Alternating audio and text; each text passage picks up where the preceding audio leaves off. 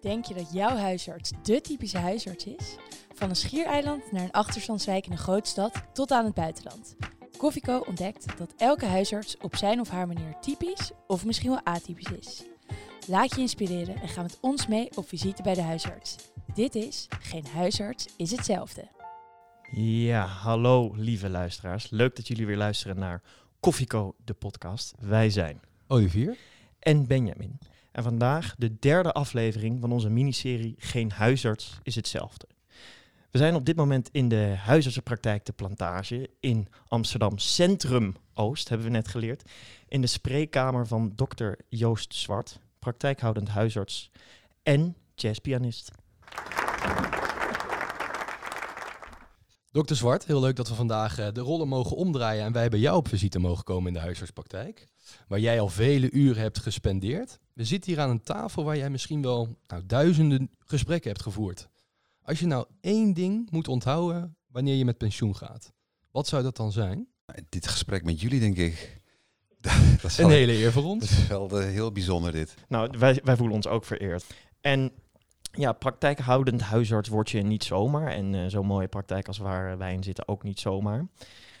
Wanneer wist je nou dat dit is wat het wordt?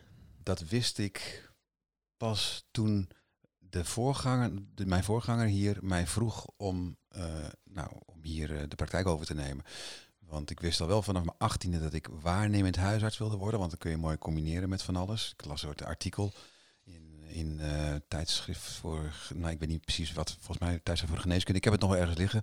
En dat was iemand die reisde, reisde met eh, allemaal muziekgezelschappen mee. En die was waarnemend huisarts. Toen dacht ik, ja, maar dat wil ik. Dat, dat is ideaal, want dan kan ik het mooi combineren wat ik eh, de rest van mijn leven doe. Dus eh, wat ik naast de geneeskunde doe. En eh, toen, ehm, dus dat wist ik eigenlijk wel vanaf mijn achttiende. En daarna is, dat, die gedachte tijdens de kooschappen wel weer een beetje ja, weggegaan. Toen dacht ik van, nou, misschien toch internist of...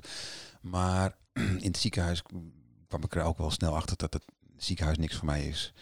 Dus toen eh, kwam ik weer terug bij mijn oude keus vanaf, vanaf toen ik 18 was. Ja, waarnemend huisarts specifiek dan. Om, Ja, eigenlijk wel. Zodat je gewoon een, een leven daarnaast hebt. Want wist je toen al wat je naast het waarnemen wilde gaan doen? Ja, muziek maken. Was je daar toen al mee bezig? Ja, ja. Want je hebt toen het conservatorium Oh, gedaan, terwijl klopt. je... Kan je daar eens over vertellen hoe dat is gegaan, die, die combinatie van die twee studies? Nou, ehm dat is eh, anno 1993. Toen waren jullie nog niet geboren, denk ik. Nee. Nee, nee. Toen, ehm, toen was ik 18 en toen ehm, ben ik naar Groningen gegaan om te studeren, geneeskunde te studeren. En toen ehm, dacht ik na een paar maanden van ja, maar ik, ik mis iets. Ik wil, ik wil ook meer muziek maken. Ik had ook wel al eerder gedacht van zal ik conservatorium doen. En, ehm, maar eh, toen ben, ik toch geneeskunde gaan doen. En na drie maanden, twee drie, twee, drie maanden dacht ik van ja, maar ik ga gewoon lekker muziek erbij doen. En toen ben ik gewoon eh, naar het conservatorium gestapt en eh, naar binnen gestapt. Ik zei van nou, ik wil hier wel eh, piano, pianoles krijgen. En toen weet ik nog dat de, de docent piano, dat was een van de, de twee, was eigenlijk de onder, onderdirecteur. En die mocht ik meteen mee wat spelen. En toen zei hij, je bent aangenomen. Dus ik mocht, ik heb, nooit een officiële eh, eh, auditie gedaan, maar toen mocht ik meteen beginnen. En eh, toen heb ik het eh, eerste jaar gedaan, dat jaar. En daarna heb ik eh, een jaar ben ik gestopt met geneeskunde, heb ik alleen conservatorium gedaan en daarna weer allebei. Ik ging toch nee, geneeskunde wel echt missen toen ik eh, even stopte ermee. De geestelijke gymnastiek, die was toch ook wel nodig. En, en waar komt die, die voorliefde voor muziek vandaan, denk je? Denk dat dat geen, deels genetisch is en deels eh, aangeleerd. Muziek was altijd heel belangrijk bij ons in huis. Mijn vader draaide rock en roll. Ik denk dat eh, veel blues en rock en roll. En dat is denk ik heel goed voor je muzikale vorming. En, ehm, Want, waarom is dat goed? Ja, omdat eh, blues en rock and roll, dat is vaak ook, eh, het is met veel energie, maar ook geïmproviseerd. Dus, dus je hoort dat het niet een, een plaatje is wat ze afdraaien of een, een, een, een toneelstukje wat ze hè, lezen. Want net is, je hoort gewoon dat het met intentie en geïmproviseerd is. En, en ook jazzmuziek werd gedra- gedraaid thuis. Met de paplepel eh, ingegoten, die Ja. muziek. Ja. Dus het zit wel echt in de familie ook, ja. Ja, dan had je toen al een hele nou, duidelijke visie over hoe je dat later zou willen indelen? Die combinatie van muziek en de geneeskunde. Wist je dat toen al? Nee, eigenlijk niet. En, en dat, was, dat is dus ook altijd gevecht geweest van ja, wat, wat, wat moet het nou worden? Geneeskunde en muziek. Hè? En op een gegeven moment, eh, ik denk dat dat kwam toen ik afgestudeerd was. En toen was ik verslavingsarts in, eh, in Zuidoost, Amsterdam Zuidoost. En toen viel het kwartje van ja, maar de keuze is dat ik allebei doe. Dat is de keuze. En toen dacht ik van, oh, wat een opluchting. Toen pas kwam, kwam het inzicht van, ja, maar de keuze is gewoon allebei. Ik hoef niet één van twee te kiezen.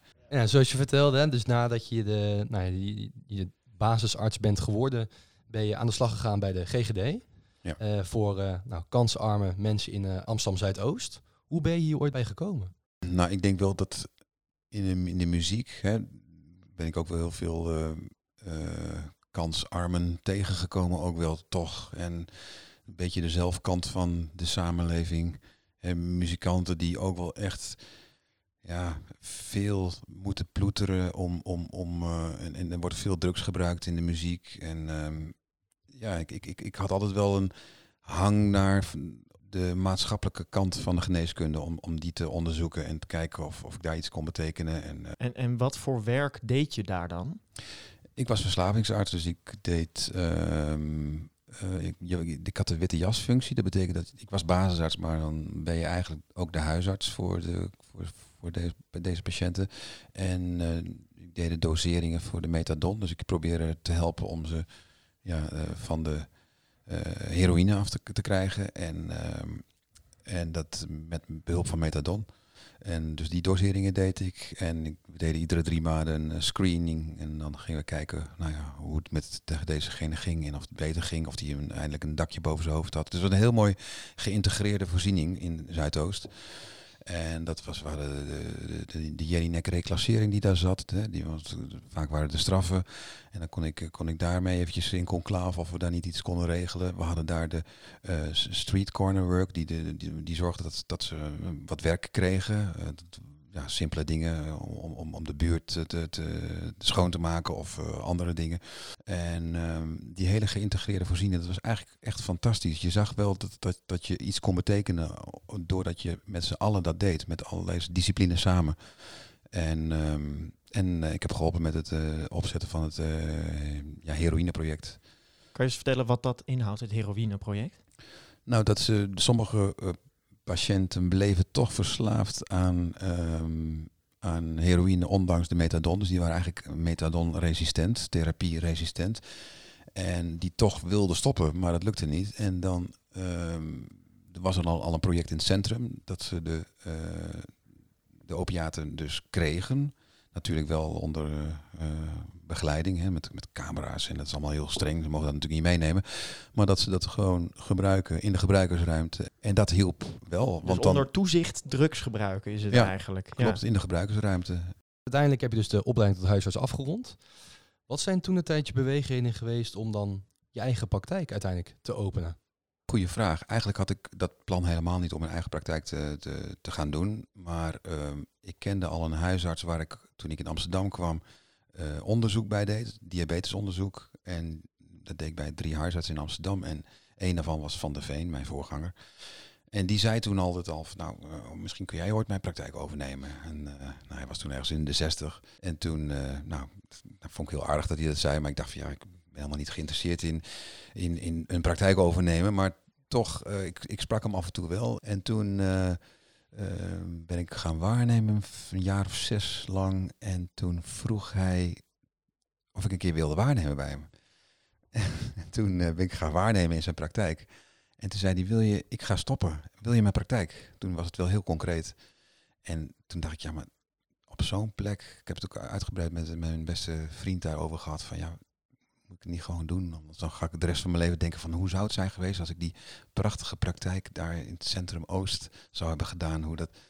Dus ik dacht, ik, ga het gewoon, ik moet het gewoon, gewoon gaan doen. En, en wat houdt het nou eigenlijk in om praktijkhoudend huisarts te zijn? Nou, dat houdt in dat je heel veel eh, extra dingen ehm, moet doen. Maar wat het leuke is, is dat je, dat je het helemaal zelf kan bepalen. Dus je kan de richting zelf bepalen. Dus dat is leuk. Als, je, als, je dus, als het jouw telco is, dan mag jij ook dat helemaal inrichten zoals je zelf wil. eh, Als je het leuk vindt om om echo's te doen, dan doe je echo's. Ik, ik heb samen met mijn, eh, mijn collega Hin heb ik eh, een echo-cursus gedaan. Dus we doen ook echo's in de praktijk.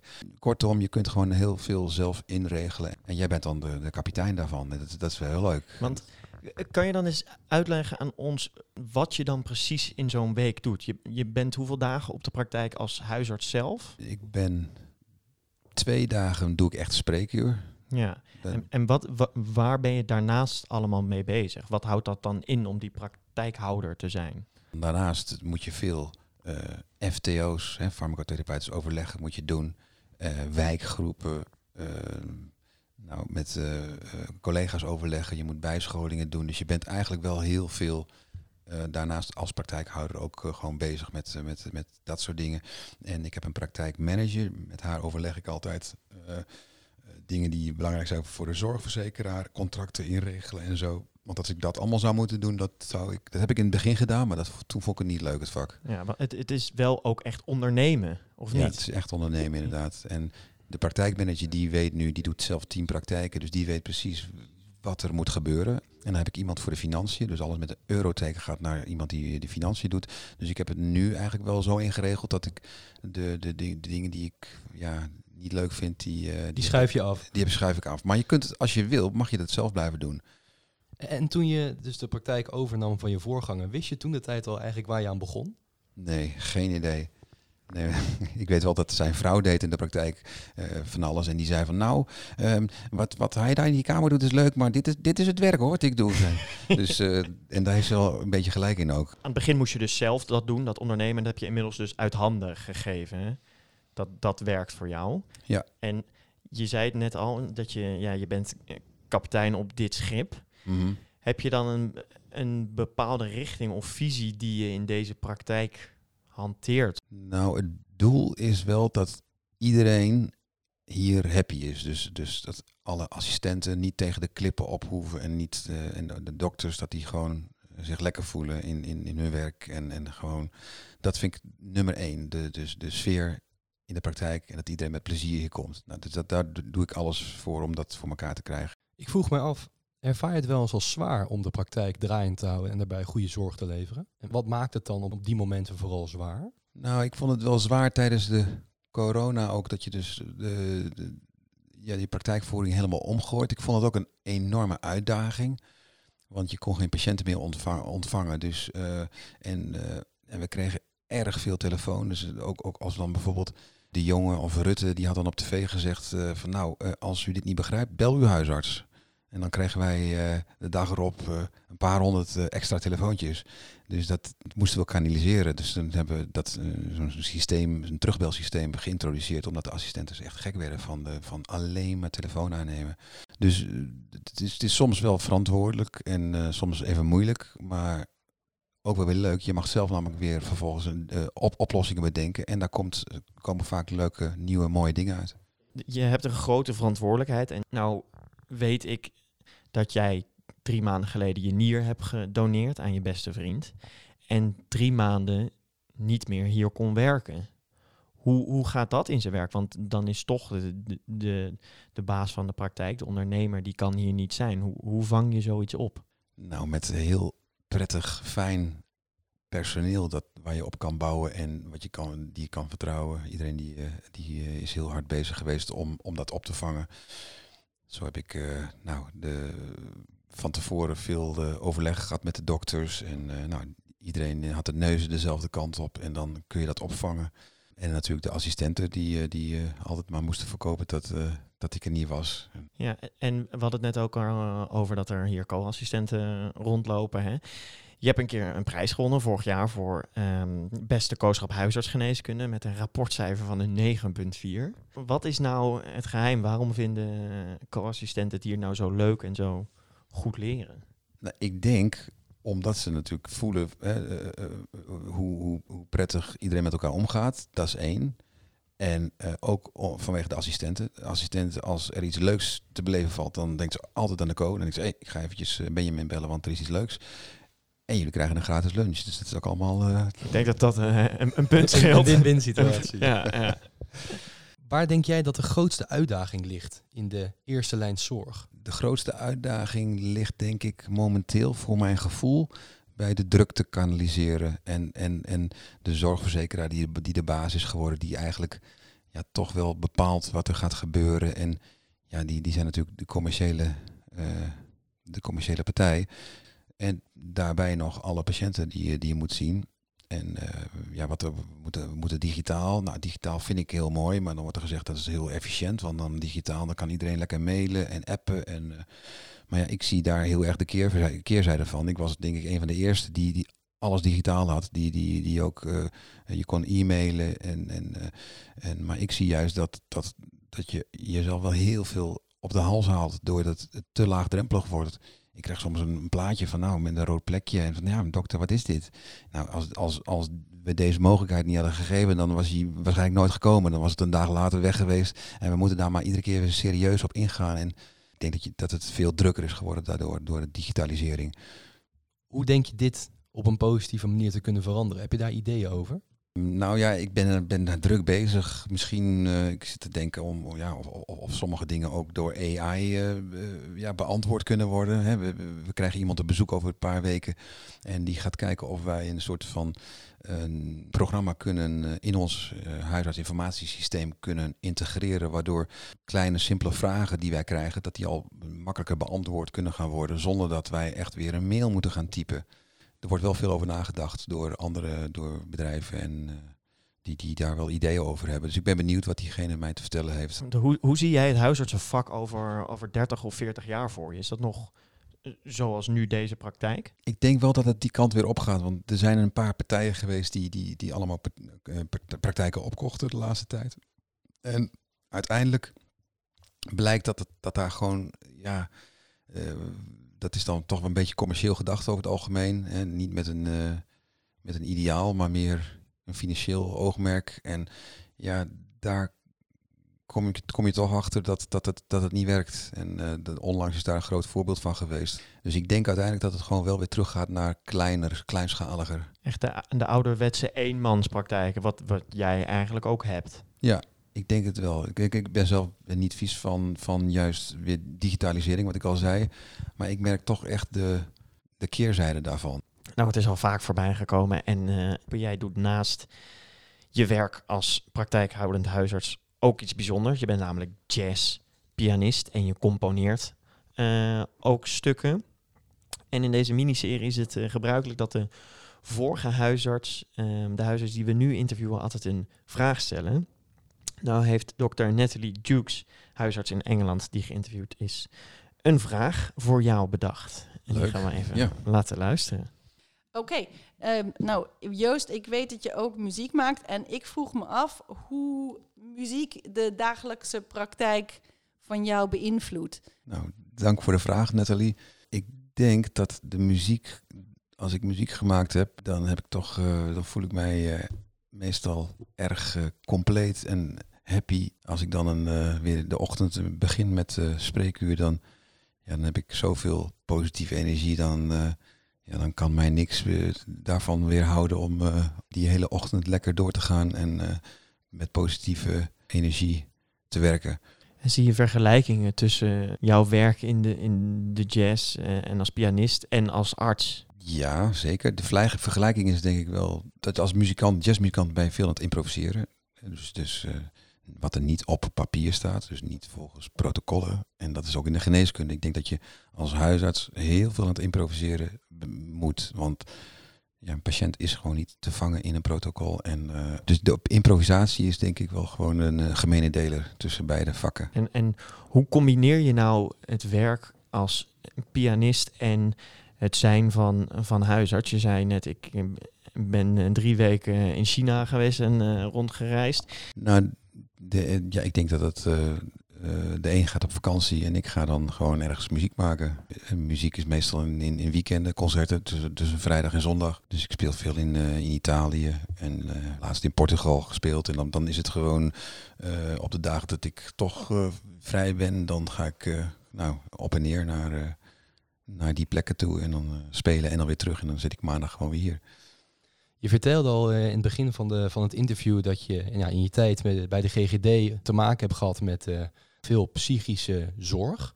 En in de huidige tijd is er ook een steeds grotere behoefte aan zorg en ook specifiek naar psychische zorg. Maar toch te weinig zorgaanbod. En dit zorgt voor een steeds weer groter wordende zorglast. En ik denk dat huisartsen daar, ja, gezien hun poortwachterfunctie, daar nou, snel de consequenties van voelen. Eh, zo is ook eind februari in Den Haag nog een waarnemend huisarts neergestoken door een verwarde man. Hoe, Mhm. hoe, wat is jouw visie op dit lastige vraagstuk? Dus de toegenomen zorg en dan specifiek Ja, de dat psychische herken ik, herken ik absoluut. Eh, dat, dat, hè, het GGZ-kanaal in Amsterdam is compleet dichtgeslipt. Dus je kunt eigenlijk iemand nauwelijks kwijt. Het is, het is, ja, er moet wel echt iets, eh, iets acuut zijn. En dan heb je, kun je wel de crisisdienst eh, natuurlijk... die, die gaan staan wel klaar, voor je klaar, dat is heel fijn. Maar ja, de, dus de, de, de mildere psychiatrie, nou, die kun je bijna niet meer eh, kwijt. En, en mildere tot, tot ernstige psychiatrie. Dus ehm, die hou je dus ook gewoon op je spreekuur. Totdat er iemand ergens, elders terecht kan. En ik had toevallig vandaag ook nog een, eh, een appje van in, onze eh, groep. Onze oude haaropgroep, waar we, we tijdens de corona veel contact mee hadden. En daar schreef een huisarts. Wat is dat een ha- de haaropgroep?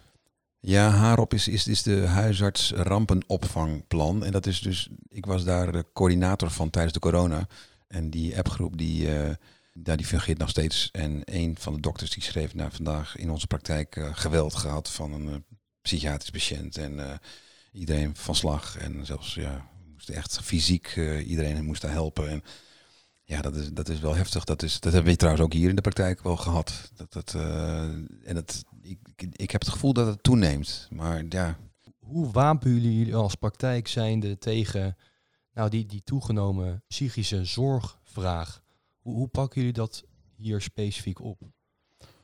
Ehm, nou, we hebben natuurlijk ook een eh, POH-GGZ die, die, waar we veel mee kunnen overleggen en eh, sparren. En ehm, ja, hoe je dat oplost. Kijk, eh, er zijn wel initiatieven bij eh Arkin bijvoorbeeld. Daar kun je een eh, eenmalig psychiatrische beoordeling doen binnen op korte termijn.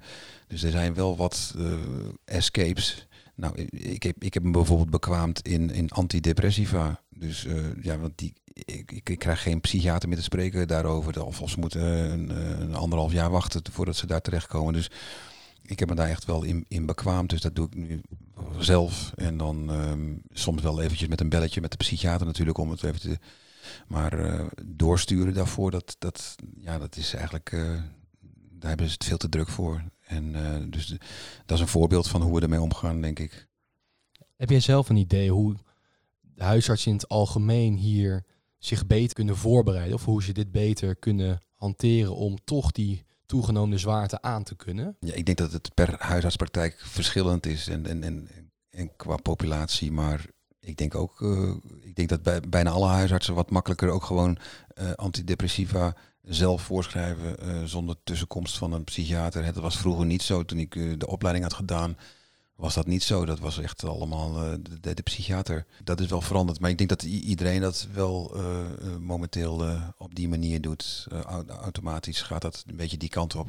Dus ik denk, ja, hoe bewapen je je daartegen? Ik denk dus met onder andere een POH-GGZ en jezelf bekwamen in bepaalde dingen. Als je één ding zou mogen veranderen binnen de huisartsgeneeskunde, wat zou dat dan zijn? De tussenkomst van de zorgverzekeraar. Dat is het grootste struikelblok momenteel. Ja, die krijgen dus heel veel macht. Je hebt ook eh, vaak dat, dat, dat, dat huisartsen dan ja, eh, weer moeten vechten voor bepaalde gelden die eerst eh, eh, gegeven zijn. Bijvoorbeeld eh, voor onze diabetesverpleegkundigen. Daar werden allemaal gelden voor gereserveerd. En dan hebben we daar iemand voor in dienst genomen en een kamer voor gecreëerd. En dan zeggen ze op, opeens van ja, helaas, eh, die gaan we niet meer vergoeden. Dat is natuurlijk heel spijtig. Dan moeten we weer gaan demonstreren. En dan via de LHV wordt er dan gevochten om dat weer toch weer terug te draaien. En nou ja, kijk, als je niet oppast, dan, dan ben je inderdaad een puppet van de, de zorgverzekeraar. En het is, dit, dat, dat is denk ik wel een, eh, een uitdaging voor de, voor de huisartsen momenteel. Wat zou jij zelf veranderen om die macht dan van de zorgverzekeraar in dit geval wat te beperken? Eh, ja, hoe kun je iets minder macht daar wegnemen? Het is nu huisarts tegen eh, de zorgverzekeraar soms. Hè? Die, en ehm, ik denk dat er misschien wel een, een iets tussen moet zitten. Een soort van, objectieve huisartsengroep of huisartsen in rusten die daar gewoon die ervaring hebben. En als er weer een plan van, van een zorgverzekeraar komt, dat dat eventjes eh, geëvalueerd wordt door die huisartsen in rusten. Een ander, of nou, in ieder geval een groep tussenpersonen die dan overlegt met ons en met de zo- zorgverzekeraar. En, eh, en die dan ook een soort macht krijgen. Want nu is het, ze, komen met een voorstel en dan moeten wij maar proberen om dat weer terug te draaien. En eh, ik, vind, ik heb echt respect voor die bevlogen huisartsen die tijd weten te maken nog om dit allemaal te doen naast hun eh, drukke vak. Ik, ik, ik had nog een andere vraag, want het, het is veel in het nieuws. Hè. De huisartsen zijn super druk en er zijn ook veel waarnemend huisartsen. Wat vind jij van al die huisartsen die, ja, wat jij eigenlijk ook hebt, hebt gedaan, waarnemen en geen vestiging zoeken of geen praktijkhouder willen worden? Ja, nou, ik vind het, als die keuze er is, dan eh, moet iedereen lekker doen waar hij zich goed bij voelt. Ik ben ook heel blij met de jaren dat ik waarnemend huisarts was. Dat zou ik echt niet, niet willen missen. En ehm, het is soms, soms is het wat lastig met, met, met diensten bijvoorbeeld. Dat, eh, als je diensten als huisarts niet kwijt kan, en, want er zijn weer veel te weinig waarnemers. En ehm, dan, ja, dan moet je echt in de buidel tasten om een dienst over te laten nemen tijdens je vakantie bijvoorbeeld. Maar ik denk dat het wel goed is dat er waarnemend huisartsen zijn. Want als die er niet waren, dan moet je het allemaal zelf doen. Ja, ja dat dus ik, waar, ik ben er heel waar. blij mee eigenlijk. En, Ja. en, en als jij nu iets zou mee willen geven aan een, aan een waarnemend huisarts, wat, wat het zijn van een praktijkhoudend huisarts nou zo mooi maakt, als je iemand zou willen overtuigen, wat, wat zou je dan willen zeggen? Nou, dat je gewoon je eigen praktijk helemaal kan vormgeven zoals jij denkt dat goed is. En dat is eigenlijk heel leuk. En uiteindelijk ontstaat jouw eigen kunstwerk. Als je vastroest in een bepaald stramien, dat is, ik denk dat dat nooit goed is. En dus ik probeer ook altijd beweging en verandering te houden in de, in de praktijkvoering. Ik ga het nu ook, eh, ja, deze drie maanden waar je het over had, hè, ik lachen dus eventjes uit, eh, heb ik veel nieuwe inzichten opgedaan. En eh, de, de praktijkvoering gaan we ook ja, heel anders doen vanaf, vanaf nu. Wa- Wat gaat er dan anders? Wat ik mis soms, hè, dus, ehm, is dat je vooral mensen ziet die jou altijd willen spreken. En ik heb een hele lijst met mensen waarvan ik denk van die hebben hulp nodig, maar die kan ik nooit spreken omdat ik het veel te druk heb met al die mensen die mij willen spreken. En eh, eigenlijk vind ik daar dat ik daar een beetje in gebreken blijf. Dus ik heb nu besloten dat ik iets minder eh, spreekuur ga doen, maar dat ik gewoon die lijst met mensen afga om huisbezoeken bij, de, bij deze ouderen. En naar de complexe patiënten, dat ik die thuis ga bezoeken. Want die complexe patiënten, ja, die zitten dan hier en dan zitten er drie mensen te wachten. En eigenlijk ben je alleen maar bezig om zo snel mogelijk hem de deur uit te krijgen. En echt helpen doe je dan niet. Ik, heb liever dat ik dan even thuis bij zo iemand eh, ben en dan desnoods een paar uur ermee bezig ben, maar wel echt iets voor diegene kan betekenen. En, en ook eh, betere begeleiding van de praktijkondersteuners. Dus eh, dat ik daar ook iets meer tijd voor heb. Nu moet het allemaal tussendoor en, en, en eh, het voelt allemaal erg haastig. Dus ik wil minder spreekuur gaan doen, zodat ik meer tijd heb, meer verdieping kan hebben. En, en, en de patiënten die, eh, waarvan ik vind dat die wat meer hulp nodig hebben, dat ik die, die ook echt kan bieden. Ja, heel mooi. Ja. Ja, en, en ik denk dat het buiten kijf staat hoe druk de huisartsen momenteel zijn. En ik denk dat die drukte alleen maar toeneemt met de jaren. Wat zou je de, nou ja, de, de, de artsen van de toekomst, in dit geval de co-assistenten, dan graag willen meedelen waarom het nou zo mooi en dankbaar is om uiteindelijk huisarts te worden? Want dat beeld heeft toch niet iedere co-assistent. Zeker niet als hij net aan zijn artsencarrière gaat beginnen. Mhm. Nou, het, mooie is dat je als huisarts alles ziet. Dit, dit- dit lijkt wel een soort van eh, eh, geprogrammeerd iets, maar je ziet dus alle patiënten. Je ziet oud, je ziet jong, je ziet baby's, je ziet vrouwen, je ziet mannen, je ziet ernstige dingen, je ziet minder ernstige dingen, je ziet psychiatrie. Het, is heel erg divers en dat is denk ik het aantrekkelijke eraan. En, eh, en als je dus praktijkhouder bent, kun je het zelf vormgeven. En dat is eh, hartstikke leuk. En je kunt er ook nog een heel goed leven naast hebben. Dat is ook belangrijk. Dus eh, omdat je het zelf in kan delen. En eh, stel je hebt nog een andere hobby die uit de hand is gelopen, zoals ik dus ook heb, dan kan dat. En ik, denk met veel specialisme in, in het ziekenhuis is dat, is dat eh, erg lastig. Veel eh co-assistenten die ik hier heb gehad, die dan toch ja, denken van dit wil ik toch wel gaan doen, huisartsgeneeskunde, is onder andere omdat leven naast de dokter. Lijkt me een hele mooie afsluiting. In de volgende aflevering van onze miniserie spreken wij dokter Josien Langsma. Dat is een uh, huisarts, opleider, een voormalig trooparts en een praktijkhoudend huisarts op Tessel. Wat zou je haar graag willen vragen? Ja, Josien, die heb ik wel eens uh, die heb ik hier een paar keer ontmoet, omdat ze bij een collega van mij waarnam in de praktijk. En uh, die ging op een gegeven moment naar Tessel. En toen dacht ik van nou, dat, dat vind ik wel een hele interessante stap dat iemand naar Tessel gaat. En maar ook wel een spannende stap, want dan ben je de enige huisarts. Er is, je kunt niet even met spoed iemand naar, naar de SCH sturen, voor naar spoedeisende hulp sturen. Uh, nee, je moet het allemaal eerst zelf oplossen. Dus het, is ook wel heel spannend. Dus ik, ik ben benieuwd wat, wat, wat, wat Josien van deze stap vindt. Is het inderdaad, uh, is, het, is het zo spannend als het lijkt? Of valt het allemaal wel mee? Of, uh... Nou, we zullen het over twee weken, zullen we het van daar horen. Nou, dokter Joost Zwart, dankjewel uh, voor je tijd. En dankjewel dat wij vandaag bij jou op visite mochten komen. Hier in de praktijk in Amsterdam, Centrum Oost. Lieve luisteraars, dit was alweer de derde aflevering van de miniserie Geen huisarts is hetzelfde. Blijf luisteren en vandaag sluiten we op een bijzondere manier af. Namelijk met muziek van niemand minder dan dokter Joost Zwart zelf.